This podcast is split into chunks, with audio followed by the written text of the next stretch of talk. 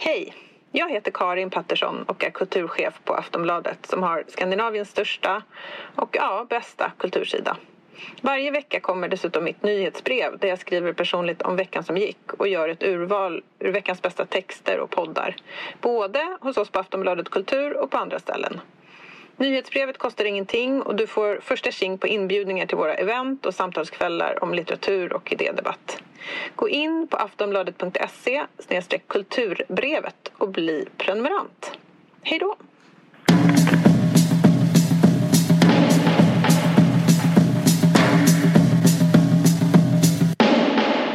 Välkomna till ett nytt avsnitt av En varg sin podd. Välkomna. Det rull, eh, rullar vidare. Det gör ju det. En varg sin podd. Tåget går inte att stoppa.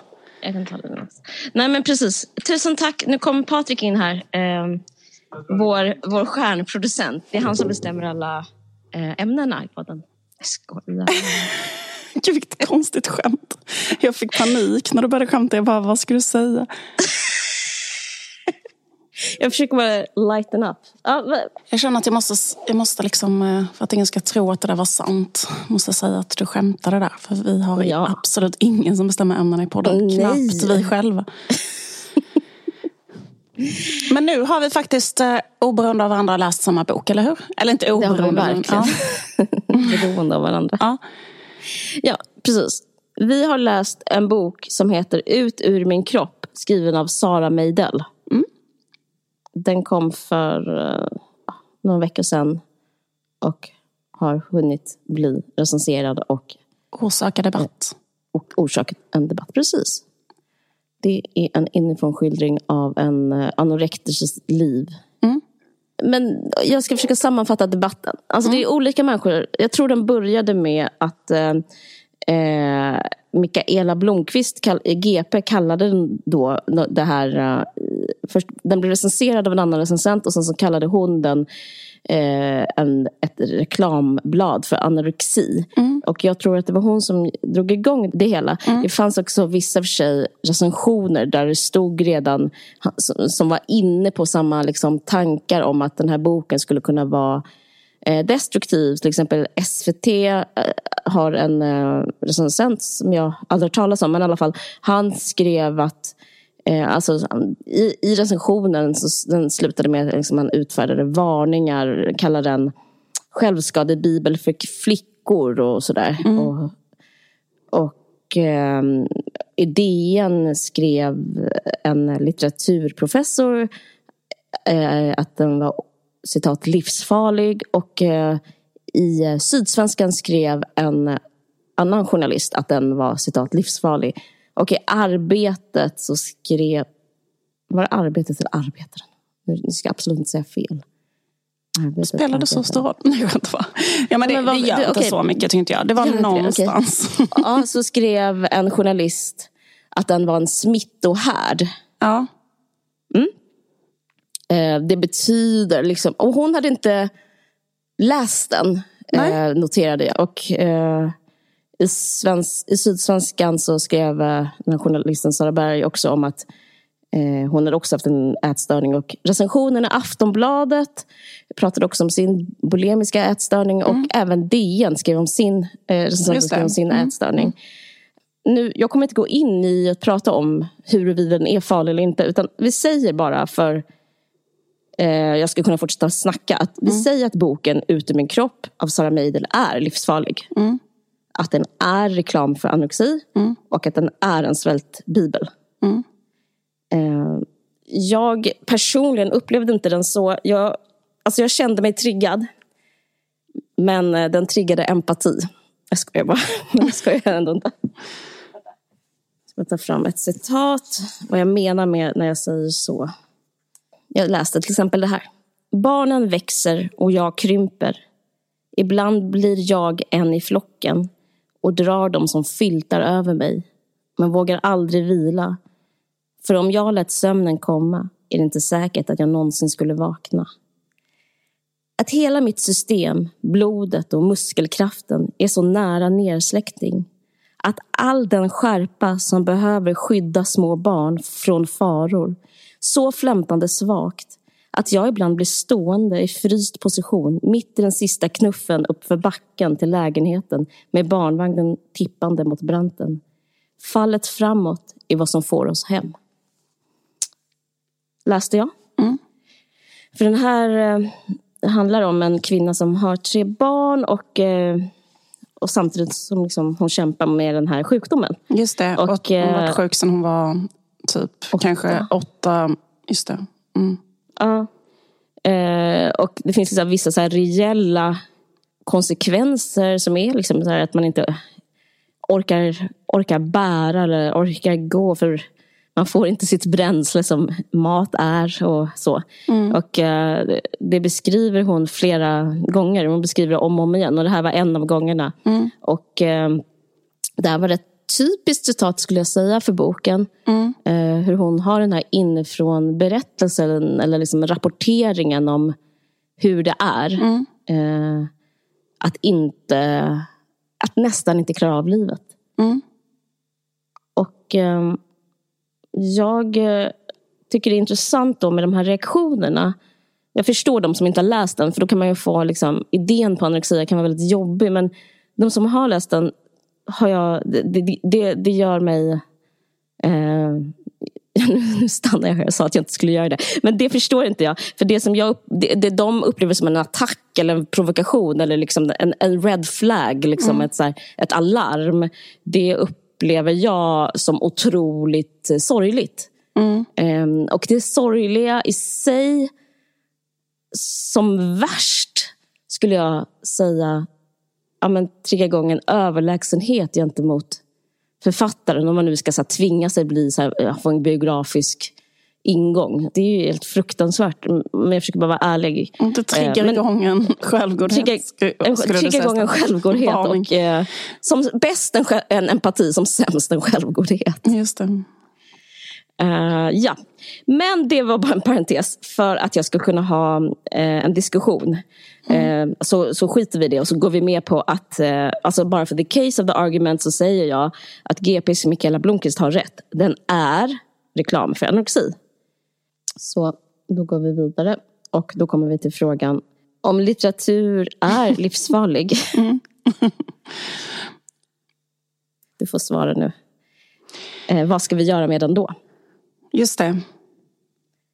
Ja, får, jag, okay. får jag säga ett exempel, alltså där, liksom, ja. om man ska säga vad de för jag upplever att ganska många som har skrivit, flera, alltså ganska förvånansvärt många som har skrivit om den här boken och kommenterat den har inte läst den. Nej, och nej. vissa har, jag tror mycket handlar om att Sara Midal gjorde en intervju med tidningen Vi. Och då ah. finns det vissa citat från den. Och så var det först en rubrik som hon sedan ändrade. Men rubriken var någonting i stil med Jag har valt anorexi. Och sen att hon pratade om fördelen med anorexi. Liksom. Alltså sjukdomsvinster, mm. typ vad som får en att liksom fortsätta. För så är det ju med många sjukdomar. Att det också mm. finns en, en vinst liksom som driver på eller kanske försvårar um, tillfrisknande. Ja, att man också en, får en eh, kanske en identitet, en roll, ja. massa olika saker. Man kanske får empati eller vad som helst alltså, av massa olika sjukdomar. Ja. Så det, det pratar man ju om när det gäller många sjukdomar. Att man kan liksom också ha Alltså, och det är väl, mm, vad är mekanismen för att stanna i sjukdomar? Sådär, och det är det hon kanske beskriver då. Det gör hon verkligen. Men, för jag tycker liksom att om man läser boken eh, mm. Jag kan säga sen vad jag tycker, men jag tycker eh, såklart då inte alls att det är eh, eh, reklam för anorexi eller så i boken. Men om man skulle ge dem lite rätt, så här, det finns vissa mm. passager mm. eh, som till exempel om man Eh, om man vill förklara vad det, vad det kanske är de menar. Så mm. är det liksom de passagerna är så här, Det finns en passage som jag tänkte på där det, där det står så här. Mm. Um, står det till och med skola får inte äta? Vänta lite. jo, ja, det gör det. Jag, skulle, eh, det står, jag har strukit under det. Eh, precis, det står så här. Um, lektioner i att inte äta. Och sen står det så här, när man träffar vänner Eh, typ hur man gör på en restaurang för att slippa äta när man träffar vänner på en restaurang. Nästa är typ eh, hur man mm. hur man eh, liksom inte äter när man själv ordnar en middag. Eh, hur man inte äter när man... Så här, och, och det. Um, ja, men det är ju vad det är. Det är ju då lektioner i att inte äta. Det står ju så. Just det.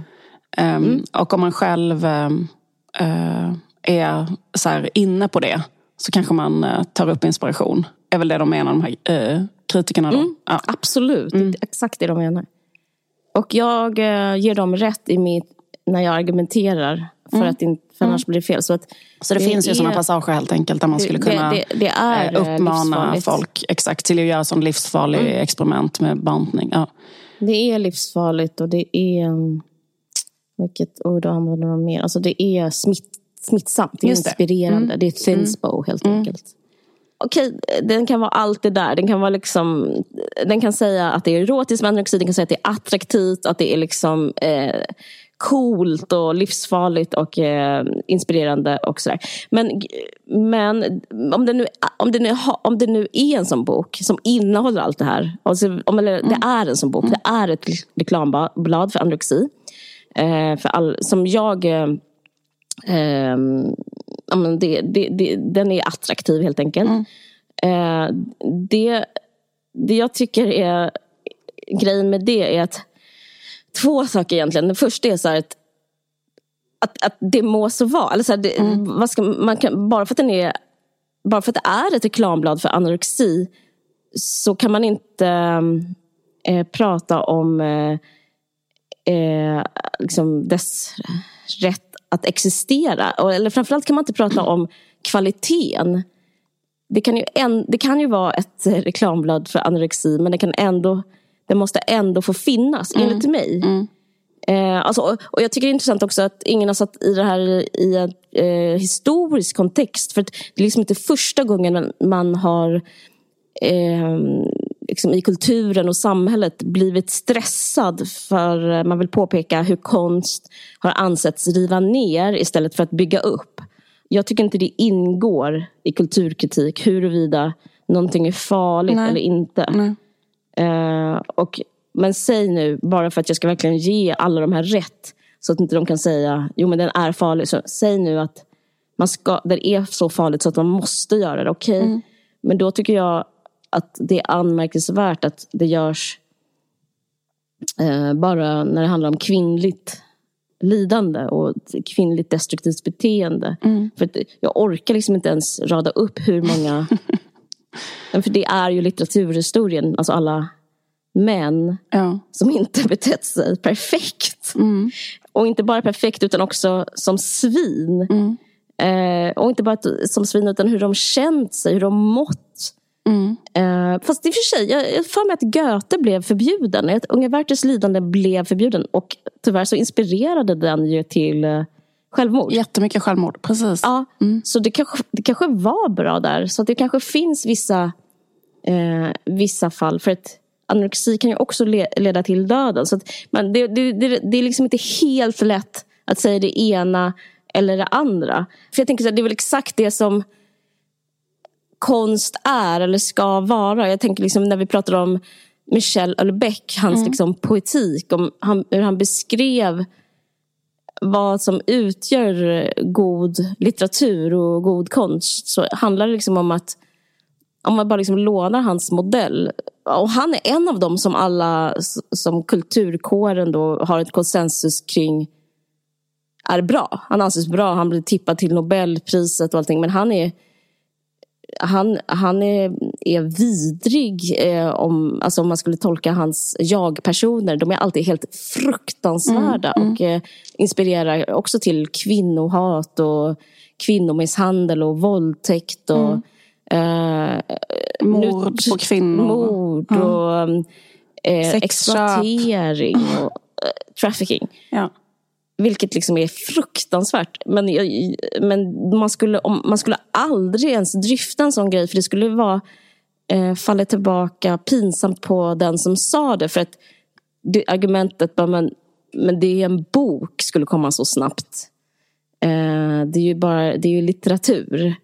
Eh, och det här är svårare för det är liksom en eh, biografi. Alltså det är liksom inte uttalat en roman men samtidigt så är det en berättelse som berättas och eh, den är fiktionaliserad. Mm. Så att jag tror man liksom får ändå anse att den är eh, att det är en persons berättelse, att det inte är liksom en fakta och en fackbok utan det här är liksom en, en subjektiv persons liksom berättelse. Du, du, liksom, eh, precis, du menar liksom att, att det finns ett, ett krav på att kvinnors skrivande ska vara uppbyggligt på ett annat sätt än, än mäns? Liksom. Ja, om man ser lite på kritiken, eller liksom, om man ska börja med ja. att ta in det som kriterier i alla fall. Är det farligt eller inte farligt?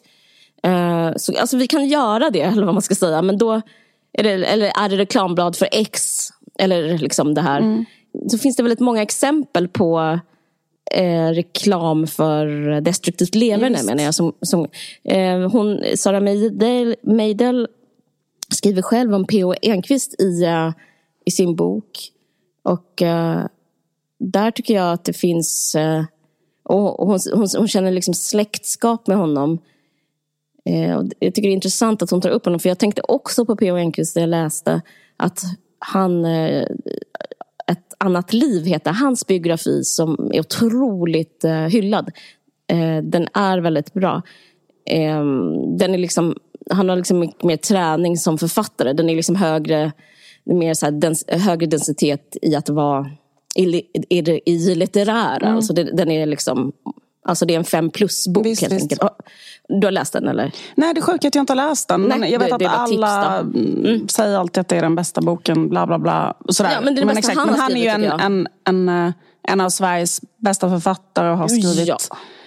en miljard böcker och sådär. Så att Självklart ja. är det en jättebra bok. Just det, men den handlar om att han är uh, raving alkis. Han är raving alcoholic. Och uh, alltså det där extremt obehagliga i ett liv som är att man, man liksom gör något mot sig själv och sen så bara förstör man eh, för de som är nära en. Och han har barn och han, han han först, alltså det är liksom... Jag har inte läst den boken men i boken uh, är det så här, uh. för jag tänker också liksom att den här bryter, den här boken då, uh. Utom min kropp, den bryter också mot ett sånt liksom nyliberalt narrativ som du också har pratat om att du vill bryta ja. mot i din bok. Liksom att du inte vill berätta ja. en sån berättelse som man berättar i Stjärnorna på slottet eller som i P1 eller så som är så här att först hade jag anorexi och sen blev jag frisk och sen är jag med Just. i Malou och pratar om det. Liksom. Utan det är bara så här, först hade jag anorexi och sen fortsatte jag ha anorexi. Så är den här berättelsen.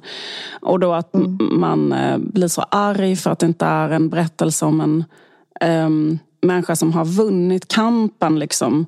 Utan snarare mm. är det bara en människa som bara konstaterar att jag har varit sjuk sedan jag var åtta och jag är fortfarande sjuk och jag mm. um, vill inte bli frisk. Um, Nej. Jag kan inte bli frisk och jag vill inte bli frisk och jag bara, jag är så här och ja, så är boken liksom och det är liksom eh, någonting ganska ovanligt kanske då. Men, jag ja, vet, men det är jätteovanligt. För, men hur är, är den P.O. Enquist-boken? För är den så, jag vill dricka och det är bra, typ, eller? Ja, han värderar inte det så Nej. mycket men han beskriver att han måste. Ja.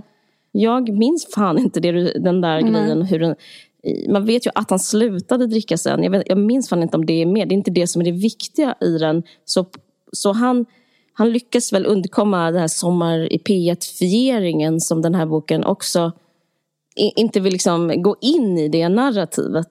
Vad ska jag säga? Jo, men P. P. skriver, jag minns ett, en passage när han berättar om um, hur han dricker genom antabus. Mm. Han gör sig liksom omänsklig i att klara...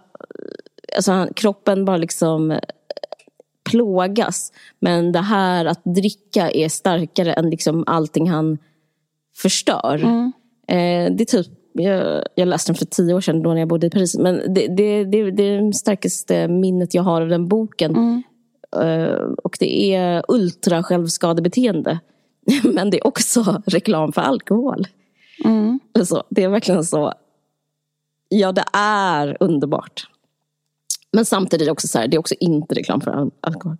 Men, eh, men, eh, men det skulle liksom bisarrt att säga att vi skulle börja avkräva den godhet och, och renhet och eh, eftertanke som, kom, som är att det är bättre att vara sund än att vara osund. Jag tycker inte det hör hemma i litteraturen. Och jag liksom, det är väl därför jag pratar om det nu. Jag, jag är förvånad att någon annan tycker att det hör hemma i litteraturen. Den här liksom kravet på uh, likability skulle jag nästan säga att det, att det verkar som det handlar om.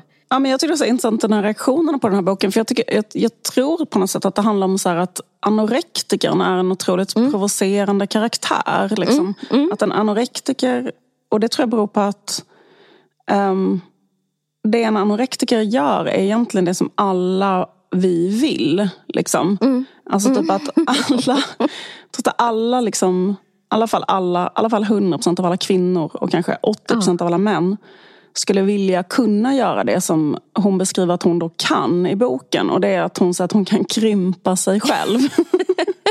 Jag vet. Och det är liksom allas, det är något som upptar allas fantasi.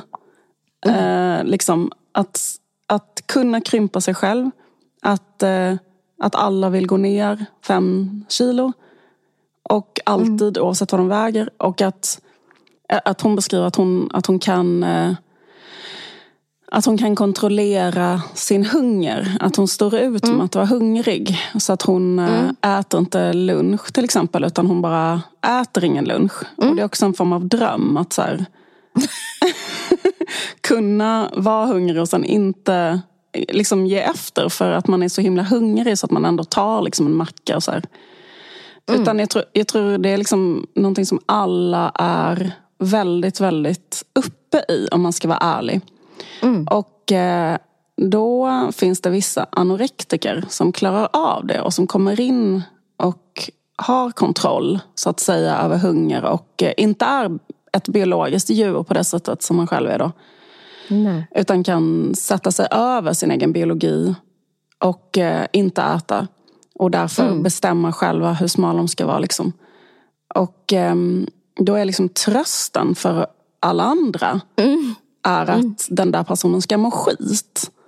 Mm. Och eh, dens liv ska vara misslyckat och, och den ska vara ha jättemycket ångest och lida och så här.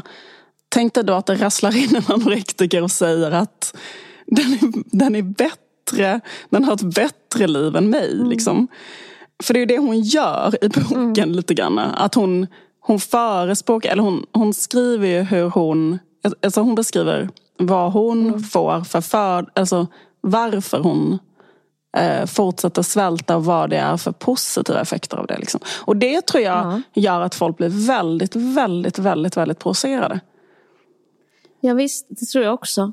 Jag tycker det var intressant också att hon, för att hon, hon sätter inte svält så mycket i relation till utseende. Tycker Nej. inte jag i boken. För att, eh, alltså, för jag fick intrycket när jag läste liksom lite grann de här recensionerna och så, så trodde jag att hon skulle skriva om att det var fördelaktigt som kvinna att vara så liten och smal.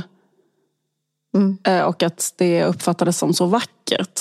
Så att hon fick Nej. typ mer killar typ, för att hon såg ut sådär. Mm. Det kändes mm. som att folk skrev det, att hon erotiserade det. Att, att hon var vacker med sina mm. utstickande Precis. nyckelben och så. Men det tycker jag faktiskt inte jag att hon gjorde särskilt mycket i boken. Nej, de erotiserade. Precis. Men... Eh, det som hon beskriver istället är väl så att... Um, att och rusig och, uh, Ja, och precis. För att det är väl också så här uh, att det här berör hon ju också men att det finns ju forskning. Alltså jag kollade på den här SVT-dokumentären som gick för ett tag sedan. Mm. Då är det, finns det liksom en amerikansk forskare som heter Cynthia Bulick.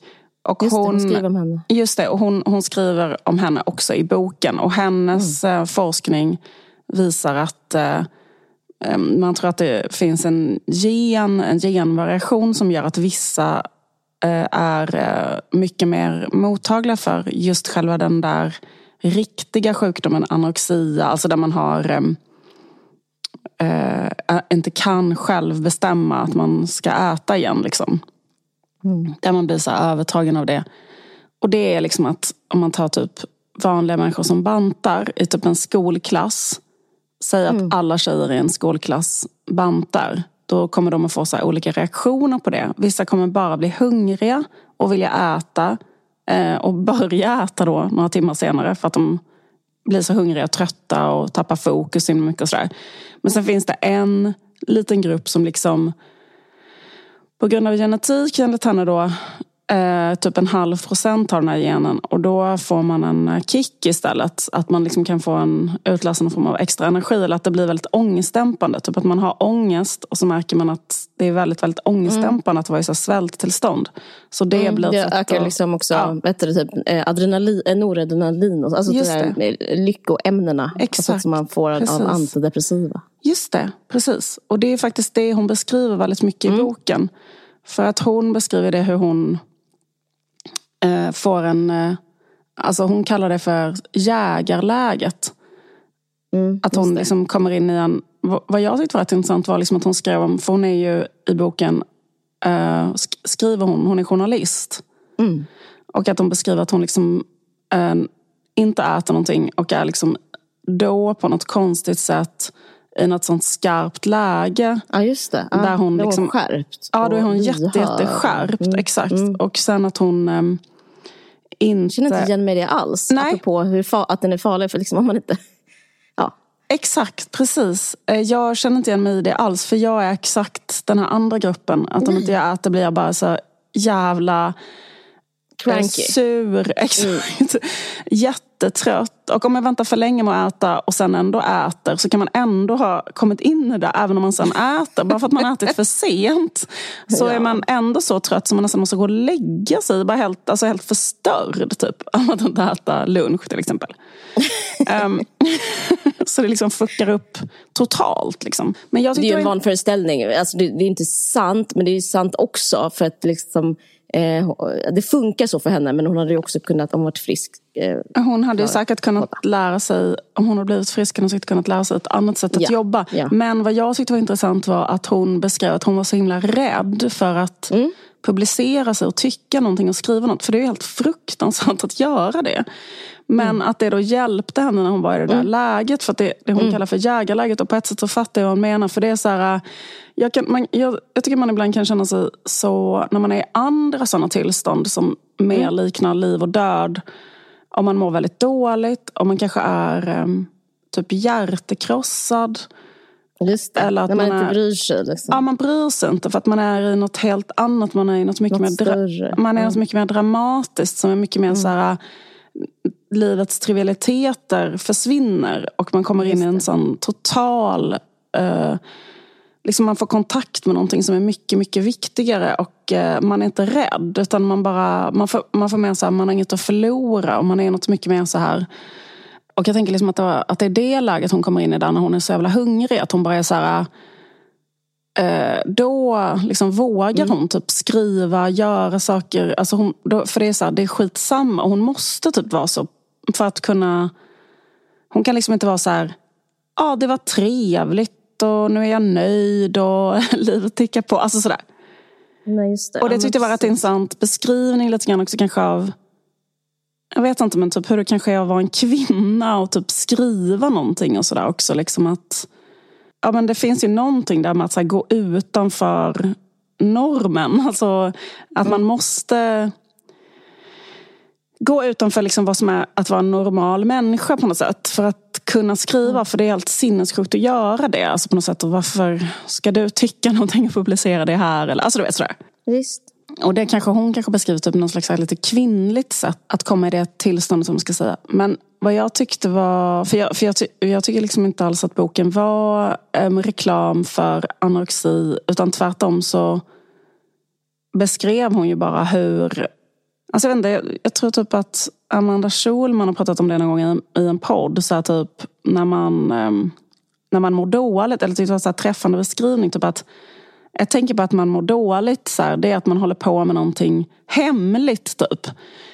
Um, mm. Så fort man har någon konstig egen hemlighet man lallar omkring med i sin lägenhet. Alltså förstår du mm. vad jag menar? Då är det alltid något då är det alltid något skit man håller på med. Fattar du vad jag menar? Mm, mm, mm. Alltså fattar du vad jag menar? Typ att man kanske, när man har så hemliga, mycket hemliga tankar och typ en hemlig värld. Mm. Ja, ja, absolut. Jag har inte tänkt på det. Men absolut. Nej, men det är rätt intressant. För det, jag, mm. det, för det är ju verkligen till exempel att komma på att man ska banta. Och så kommer man på det själv.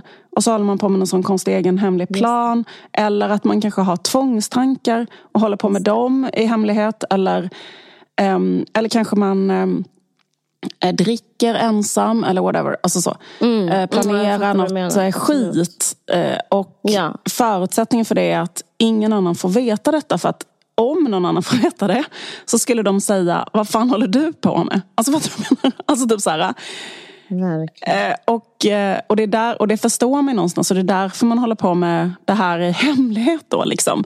Så ja. därför är det så intressant det är ett intressant sätt att tänka på det. Att när man börjar hålla på med något i hemlighet. Det kan också vara till exempel att shoppa saker på nätet. Eller typ att köpa något som är helt sinnessjukt dyrt. Och sen typ inte säga det till någon och inte visa det för någon. Alltså så här, för att man, ehm, man gör någonting konstigt som inte liksom är bra. Eller du vet så här. Och och så är det liksom alla dagar i veckan med ätstörningar. Liksom. Att det är den här hemliga världen. Och att det är det som gör en... Och, och, och, och vad jag tror vad Amanda sa då i podden var typ att när man märker att man har på med något sånt att man då ska försöka direkt berätta för någon. Eller man ska liksom försöka mm. komma ut ur den där hemliga ensamheten. Liksom. För att det som händer, speciellt om man håller på med så här långvariga missbruk och sånt, är att man blir så jävla jävla ensam också. För det beskriver hon ju mm. också, att alla människor försvinner från henne för att hon håller på med någonting själv som kräver all hennes uppmärksamhet. Vilket gör att hon kan liksom inte delta i typ en vänskap. Hon, hon, spelar, hon beskriver ganska intressant att hon spelar upp en roll för sina väninnor hela tiden. Och, och, och allting går ut på att hon inte ska behöva äta när de ses. Liksom. Och då är det till exempel att hon kan berätta någon dramatisk, eh, något dramatiskt skvaller till exempel. Eller någon, avslöja en dramatisk sak om sig själv. Allting är stageat för att ingen ska se att hon inte äter någonting. Alltså det är liksom, all, hela samvaron handlar bara om det.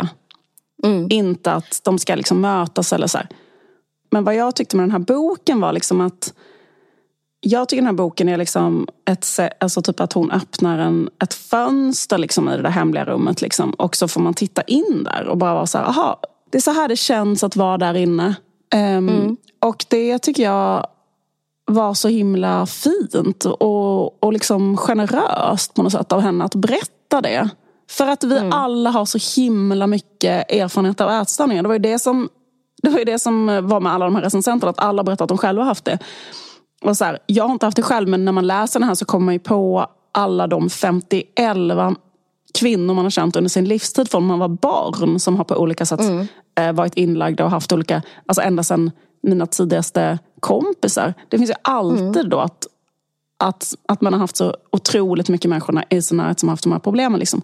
Och, då är det, och då tycker jag att det var liksom Jag tycker den här boken mer var så här liksom en Ja men typ ett sätt att eh, istället för att fortsätta ha en fasad och allting som är nu för tiden att man bara visar upp någonting på Instagram som är, alltså det vet vi också att jättemånga av de här människorna som syns hela tiden i offentligheten har jätteallvarliga ätstörningar. Eh, och, men sen så visar de ändå bara på Instagram, så här, gud vad gott jag åt pasta idag. Så vet man så men den här människan har ju en aktiv bulimi. Och sen nästa bilden är att den visar sig själv i underkläder och så vet man att för att se ut så här så har den en, en jätteaktiv ätstörning. Men, men, men man berättar aldrig den där hemliga mm, skuggan som följer med den här personen hela tiden. Utan man berättar bara så här, jag åt tårta, jag åt pasta, eh, jag är jättesmal. Så, så här. Och då tyckte jag att det var så här, att det var väl, liksom nästan kändes som en breath of fresh air att läsa det här liksom, vad som finns, vad som, vad som finns eh, med eh, liksom, vad som finns mm. bakom, vad som, finns, vad, som är, vad som är den hemliga liksom, andra mm. världen. Mm. Liksom. Mm.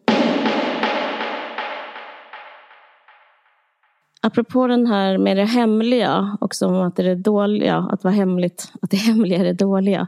Mm. Så ska, känner jag faktiskt en tacksamhet, helt seriöst, inför boken som eh, jag lärde mig liksom en sak av den. Mm. Eller jag blev åter väckt i en tanke jag har som eh, mamma. Mm. Att jag, jag är mamma. Mm. Jag är mamma-feminist.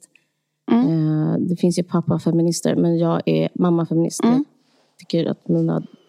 Jag, jag, ut, vad ska man säga, jag gör eh, en läsning av världen utifrån mina döttrar mm. och hur de ska klara sig och mm. eh, kämpa och, sådär, och bli förtryckta.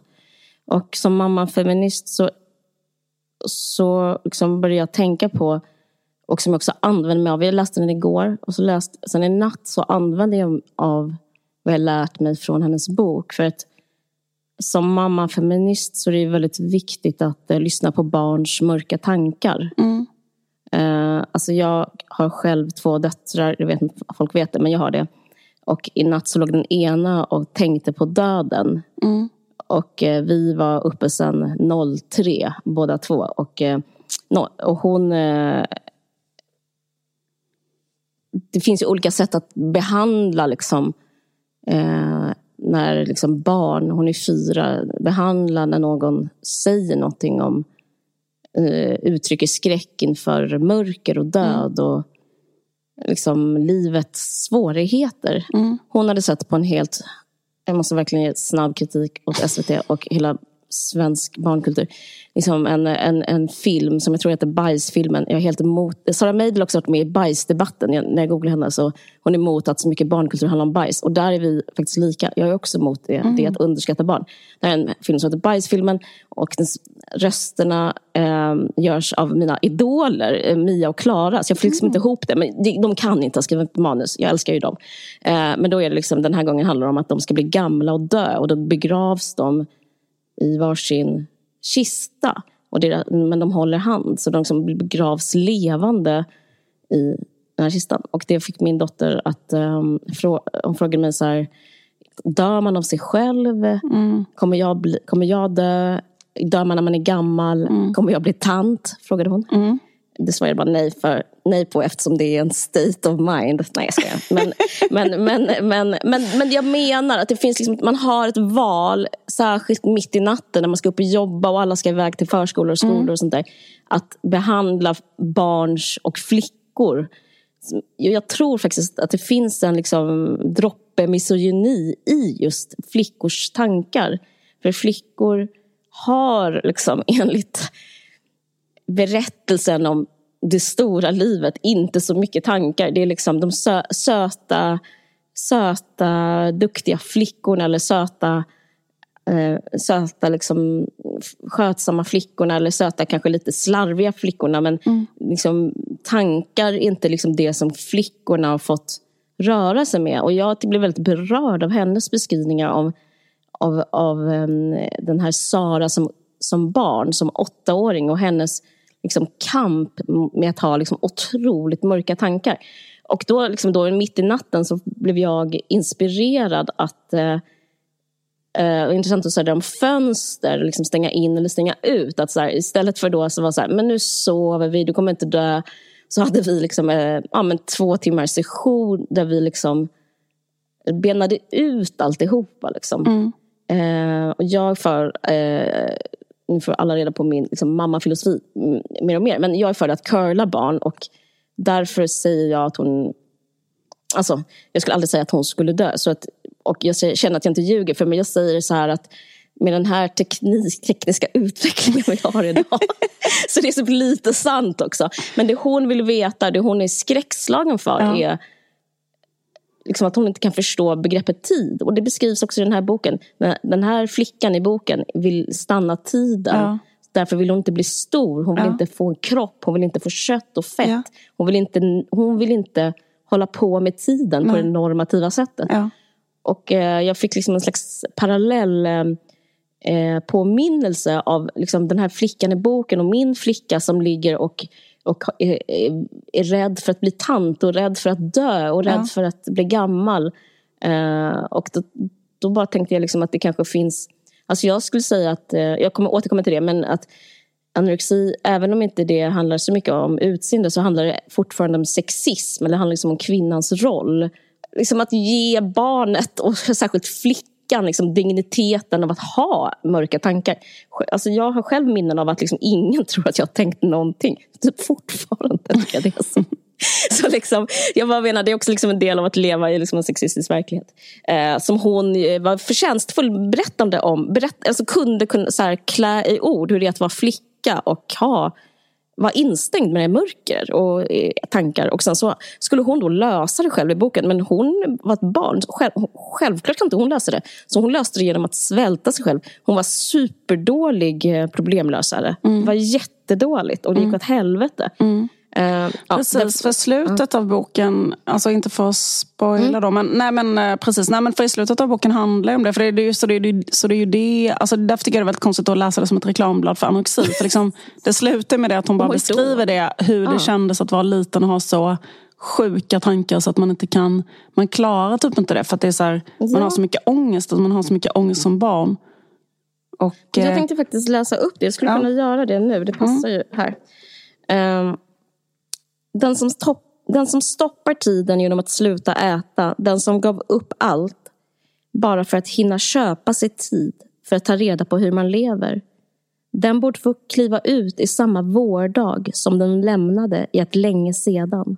Ett nu som blev då, som skoningslöst bara fortsätter framåt. Då hade jag fått stiga ut helt ny, med hjärtslag som fick slå i vanlig takt. Och där var tiden alldeles verklig. Där varje tand som tappades hann sparas. Storflickan springa vilse och hitta hem så många gånger att hon själv lärde sig vägen. Skrubbsåren hinna läka mellan varje fall.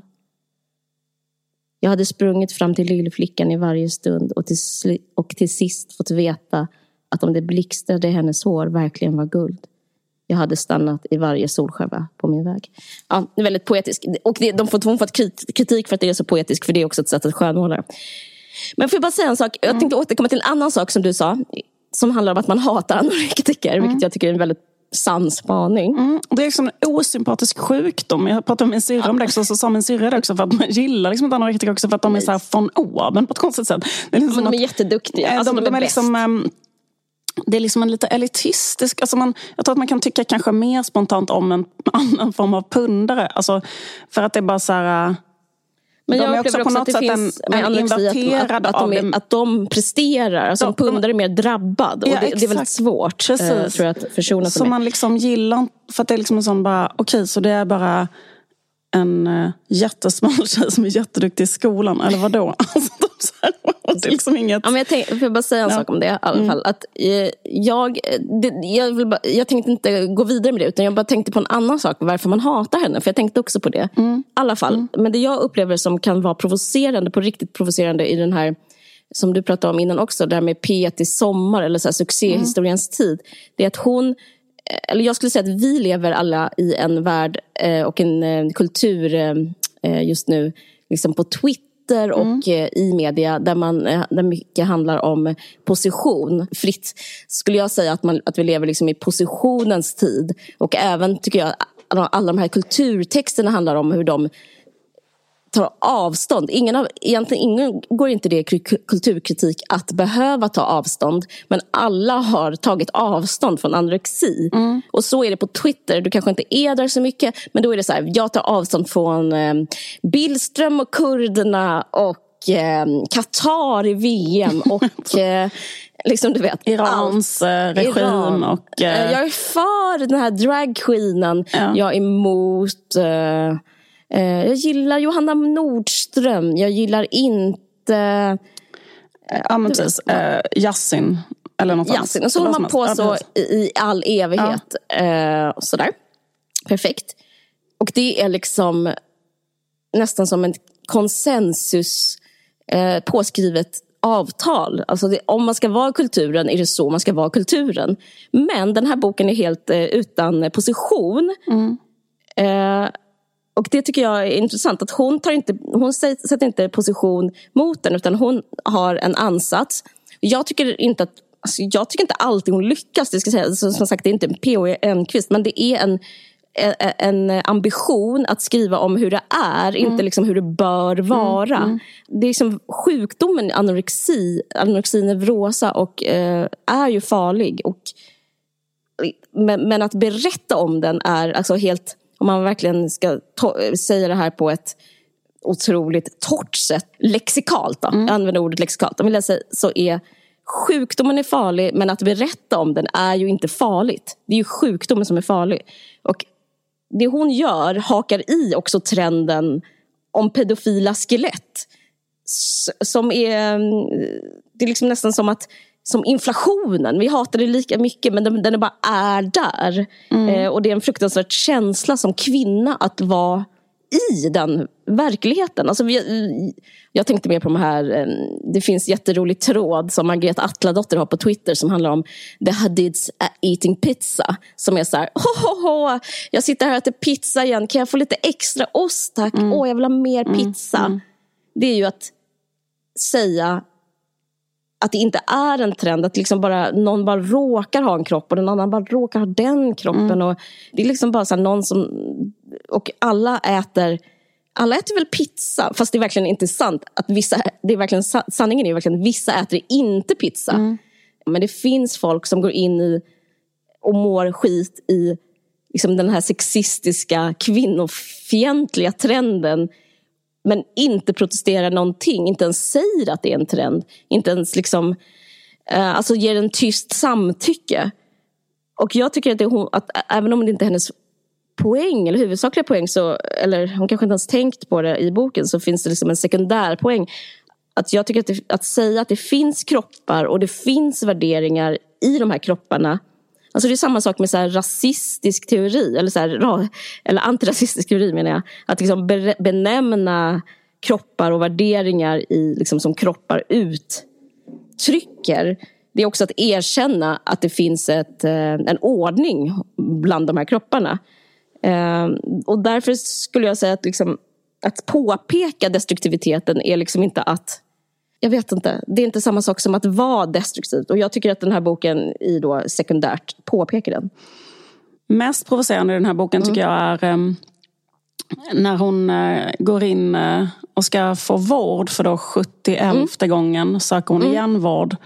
Och sen så, så, så står det så här Ja, så, så, så gör hon liksom samma vanliga då. Liksom, ja, du, kan, du ska få en liten matdagbok och du ska skriva upp vad du äter. Mm. Och, du ska liksom så här, och så skriver hon bara liksom, ja, för att du vill bli frisk. Och, och då skriver hon typ så här, nej för jag vill inte bli frisk. Jag vill göra en matdagbok där jag ljuger. Jag vill skriva, jag, vill säga, jag, vill, jag vill väga mig och typ lägga något i fickorna igen. Mm. Jag vill, eh, eh liksom, eh, och så är det bara en lång rad. Så här, och det där tror jag liksom att... Um... Men det, jag, tänkte, jag tänkte på det där att liksom...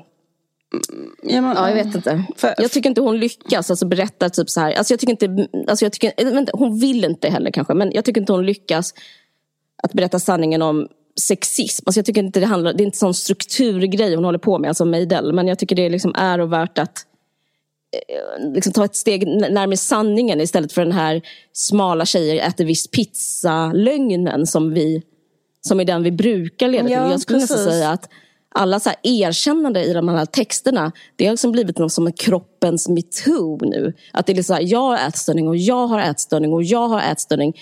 Alla, till och med kritiken mot henne har ju liksom tvingat fram som ett så här, okay, men då ser vi ett struktur, vi lever ju i, ett, i, i en sjuk värld där mm kvinnor svälter sig själva mm. och det är ett symptom på att något är fel. Mm. Så det, är liksom en, det har fått en motsatt effekt nästan. Att så här, ja, men det hon har startat är liksom en äh, ätstörningsmetod eller kroppens metod om att så här, vi, äh, eller kvinnor är ja, kvinnor mår skit. Liksom. Mm. Jag vet inte, mm. jag, ty jag, tycker det har någonting. Mm.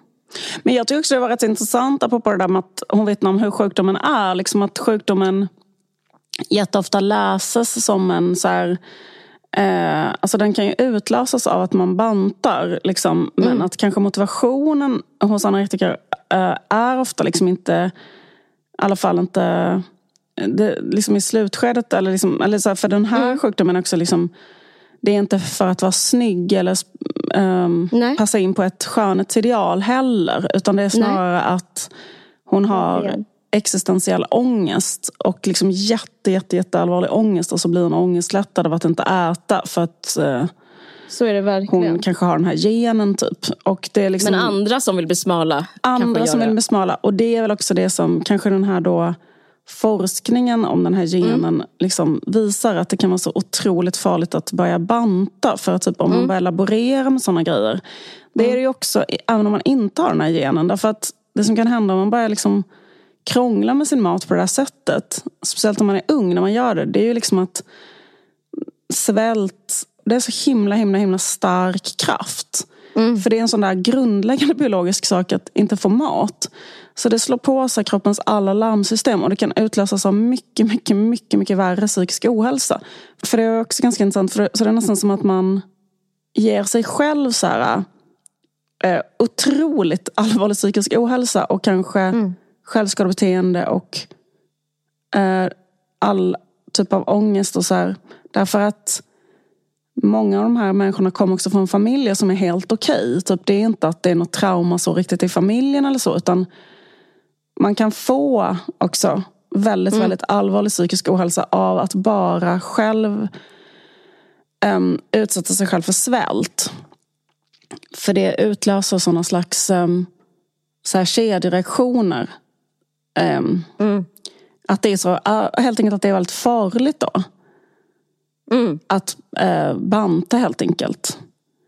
Och, ja, men det är mycket svårare att göra, alltså bara det här att äta på ett normalt sätt. Vilket ja. är att äta tills man blir mätt och sen sluta äta och sen äta något annat. Och sen så här, allt det där är mycket svårare därför att vi lever i så här, en um, kultur där det är helt... Uh, där man får så jävla fucked up... Um, det är upplöst. Uh, exakt. Uh, man får så mycket fucked up uh, psykotisk information om mat 24-7. Så att det går mm. liksom, eller jättesvårt att bara vara så normal typ.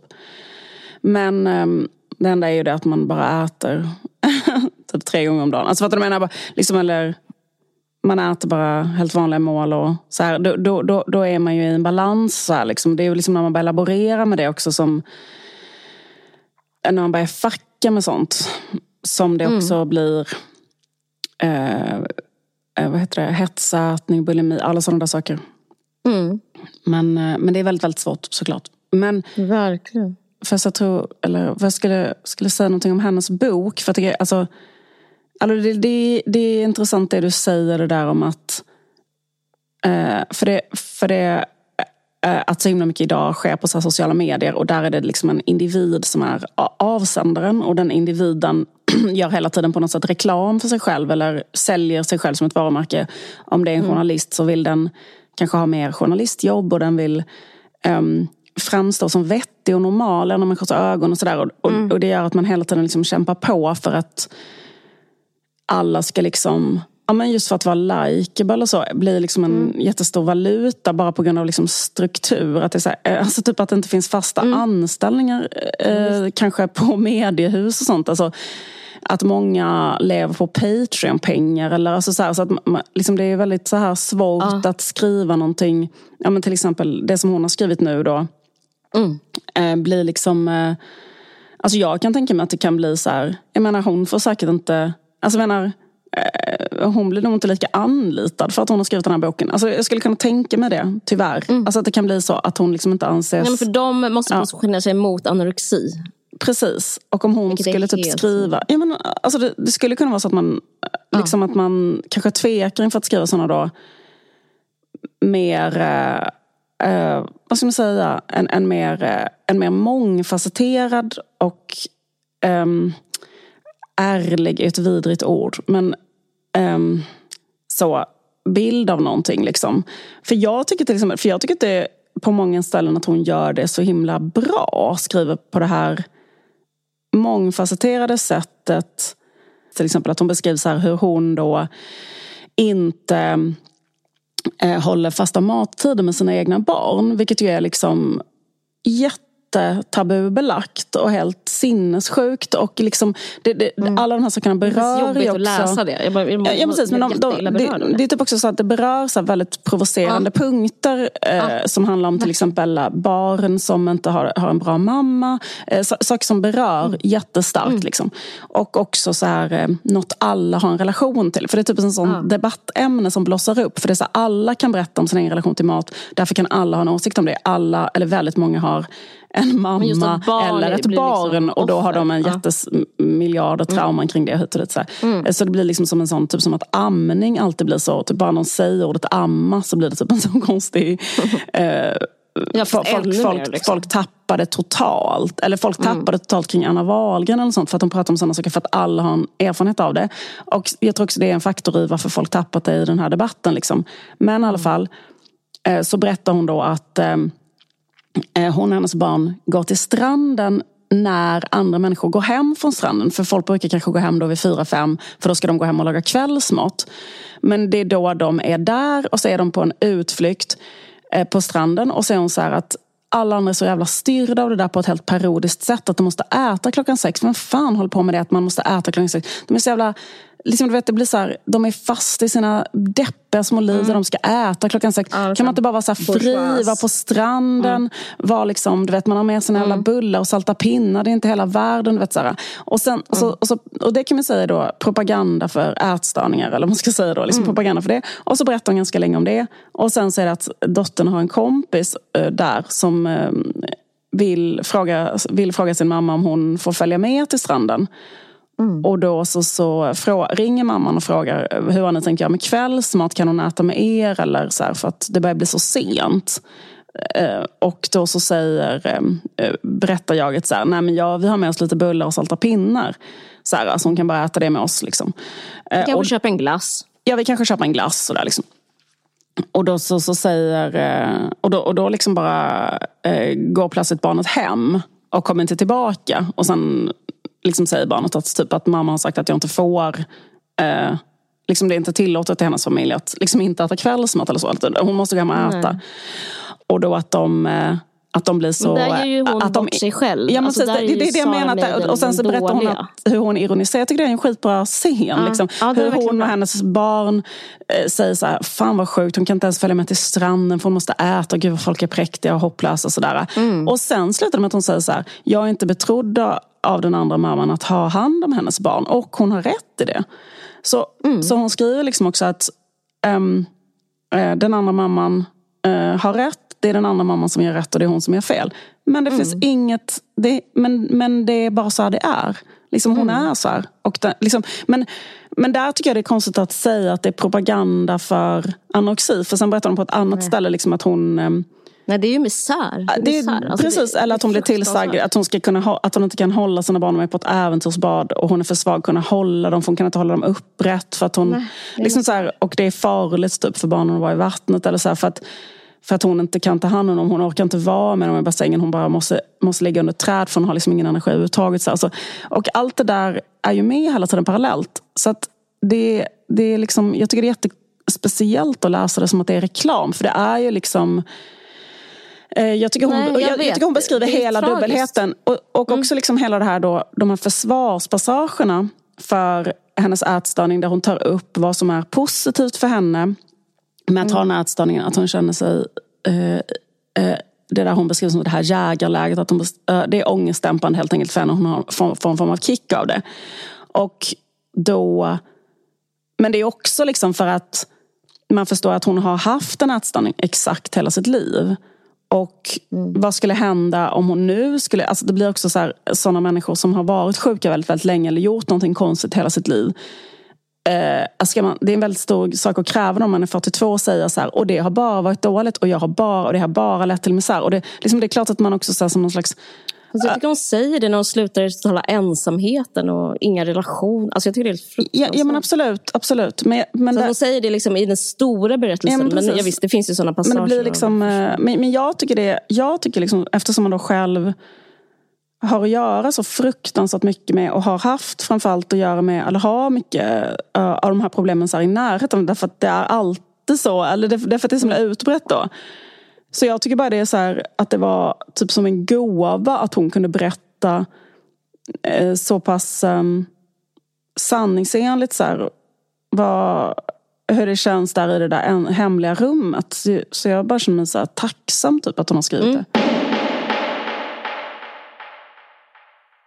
Hon pratar om eh, att, de, att olika kvinnor genom eh, litteraturhistorien och deras ätstörningar och anorexi och så pratar hon också om eh, suffragetterna, eh, att de gjorde en motstånd i eh, att svälta mm. sig själva, mm. hungerstrejka och sådär. Mm. Men sanningen är ju, de flesta anorektiker jobbar inte, de, ar, de är inte ar, alltså deras arbete är inte att vara författare och Nej. konstnärer och framförallt inte kända, eh, lyckade författare och konstnärer. Utan de, de, flesta är bara psykiskt sjuka. Och mm, tesen att vissa författare var anorektiker, den går liksom inte vända på. Den håller inte. Anorektiker är författare, säger hon.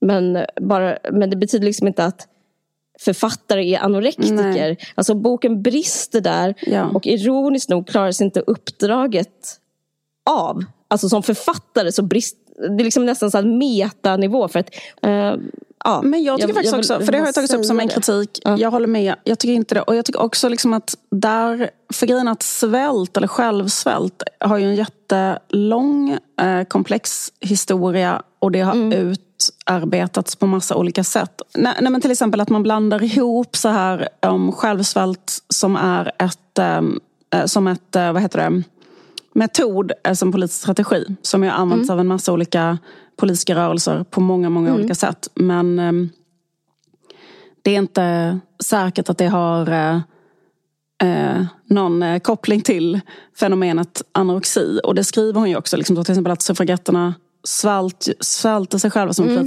de var i fängelset men när de kom ut ur fängelset så åt de ju. Och hon skriver ja. så här, och jag gör typ tvärtom. Eller alltså så här, jag menar hon, alltså det är inte, det är liksom inte riktigt applicerbart. Men där måste jag säga att hennes försvar, att, och att hon tog upp liksom olika personer som har skrivit som också har sysslat med självsvält. Och det är klart att det finns, men det finns också eh, väldigt, väldigt, väldigt många författare som inte har gjort det. Och, och det finns också folk som svält sig själva av en palett av, av orsaker. Det finns ju religiös svält. Det finns också folk som svälter sig själva och är psykiskt sjuka och sen dör de. Alltså, ingen ja, men absolut. Precis. Och också att det kan vara en massa olika eh, idéer bakom och sådär. Men, men att det blandas ihop där lite grann på ett lite ointressant sätt kan jag känna också. Men jag måste säga att jag tycker att eh, hon eh, hade ett stycke där på slutet där hon skrev så här.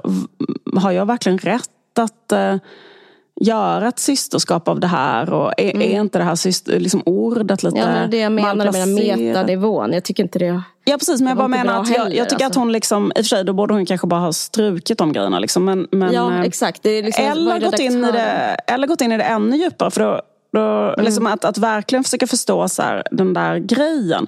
Men däremot så här, om det hon undersöker är att vissa människor eh, har den här då genetiska sårbarheten som är att man går in i ett um, att man får typ ett adrenalinpåslag och får en stark ångestdämpning av svält och det blir livsfarligt för de här personerna. Därför att anorexi är en väldigt dödlig sjukdom också. Mm. Att det är något man kanske har kunnat se då på vissa men, men, men det, det är väl ett konstnärligt val också. Att, eh, jag vet inte, hon vill köra liksom någon mer essayistisk eh, uppblandning. Eller hon kanske vill, hon skriver ju själv att det är en slags skydd. Att hon vill skydda sig bland sina, i systerskapet. Precis, men alltså, eller på något sätt kanske förklara men, att det här är ett fenomen som existerar. Mm. Att man kan få en vinst jo, jo. av att svälta typ, och att folk har gjort det. Det tycker jag hon gör på andra sätt. Alltså, mm. Det tycker inte jag mm, gör jag, det bättre. Det, liksom. tyck, det som jag tyckte, den jämförelsen där jag tyckte det var rätt bra att hon tog upp en person. Det var mm. ju, tycker jag, när hon tog upp Carrie. I, alltså Sarah Jessica Parker i Sex and the City. Okay. För då, mm. då så sa hon så här, så som hon ser ut det där är en person som svälter sig och när jag ser henne så kan jag se, se ett systerskap. Att se ut så där, så där ser jag också ut. Och det gör man för att man svälter typ. Och, ja men det är ju mer spännande. Ja, precis, för, för det liksom tyckte jag ändå var ganska... För det var så här, här, här, ser jag en person som är... Exakt, för det har man ju sett, eller det har man ju hört lite när hon har pratat ja. om så här, sitt liv. När hon spelade in det, att hon levde ett sånt fruktansvärt um, liv som var väldigt, väldigt olikt hennes rollkaraktär. Liksom att hon aldrig... Um, ja, men, eh, vad heter det, dricker alkohol eller går ut eller, eller gör någonting. Att hon bara mm. tränar och äter minimala portioner och sådär. Eller lever ett otroligt så kontrollerat liv där det är centrum. Att äta lite för att kunna se ut så. För att kunna spela den här kvinnan som mm. lever ett så fullt liv. Fast en kvinna som ser ut så kan kanske inte göra det. Alltså så, sen, ja, visst. Eh, Vi har ett samarbete med Nextory som vanligt. Ja, och vi kan glatt meddela att vi kan erbjuda både nya och gamla kunder 45 dagar gratis utan bindningstid eller uppsägningstid. Just det, och då går man in på nextory.se varg45 mm. för att få det ett, ett författarskap som jag eh, gärna skulle ta mig an är den här Edward Louis. Ah. Som jag inte har läst någonting av men som eh, är en fransk författare som eh, eh, är väldigt så hyllad som typ en av Frankrikes mm. mest intressanta författare just nu. Och han har skrivit mm. flera böcker. Många av dem finns på um, uh, Nextory. Till exempel Aha, boken okay. En kvinnas frigörelse som handlar om hans uh, mamma som under väldigt stor del av sitt liv levde i liksom fattigdom och misär och var kuvad och mm. eh, förnedrad av maskulint våld. Men som vid 45 års ålder eh, gjorde liksom uppror mot det livet och började skapa sig en annan eh, typ av eh, liv. Han har också ehm, eh, skrivit om sin pappa eh, i den här Vem dödade min far? Så han, han liksom ehm, han skriver ju eh, också Våldets historia, en annan jättekänd bok som han har gjort. Men jag har inte läst någon av de här. Men, men eh, alla de här kan man läsa ja. som e-böcker. Um, Vad bra. Mm. Jag har försökt läsa Qui tu mon père på franska. Alltså jag har den hemma och börjat oh. på den. Men det var faktiskt väldigt svårt. Det ska erkännas. Så det här behöver jag också göra. Ja. Kan inte berätta någonting om det. Nej, Så vad, gud vad precis. bra att den finns där på svenska. Jättebra. Ja. För oss pretton. Absolut. Um, ja, så, så det här är bara uh, ett litet axplock av allt som finns. Ja. Uh, det finns hur mycket som helst på Nextory som man kan läsa. Och uh, det skulle ju faktiskt kunna vara någon form av julklapp också, eller hur? Att ge till någon. Mm, en prenumeration. Och då går man in på nextory.se varg45. Då får man, börjar man med att um, uh, ha 45 dagar gratis. Så det är en slags mm. um, lite billigare julklapp man kan, man kan ge till någon. En gratis julklapp? En, en gratis julklapp genom 45. Nej, man kan väl ge någon ett års prenumeration eller någonting. Ja, Men um, um, det, det är en idé. Är uh, så tack så jättemycket för det här samarbetet Nextory. Tack så hemskt mycket Nextory.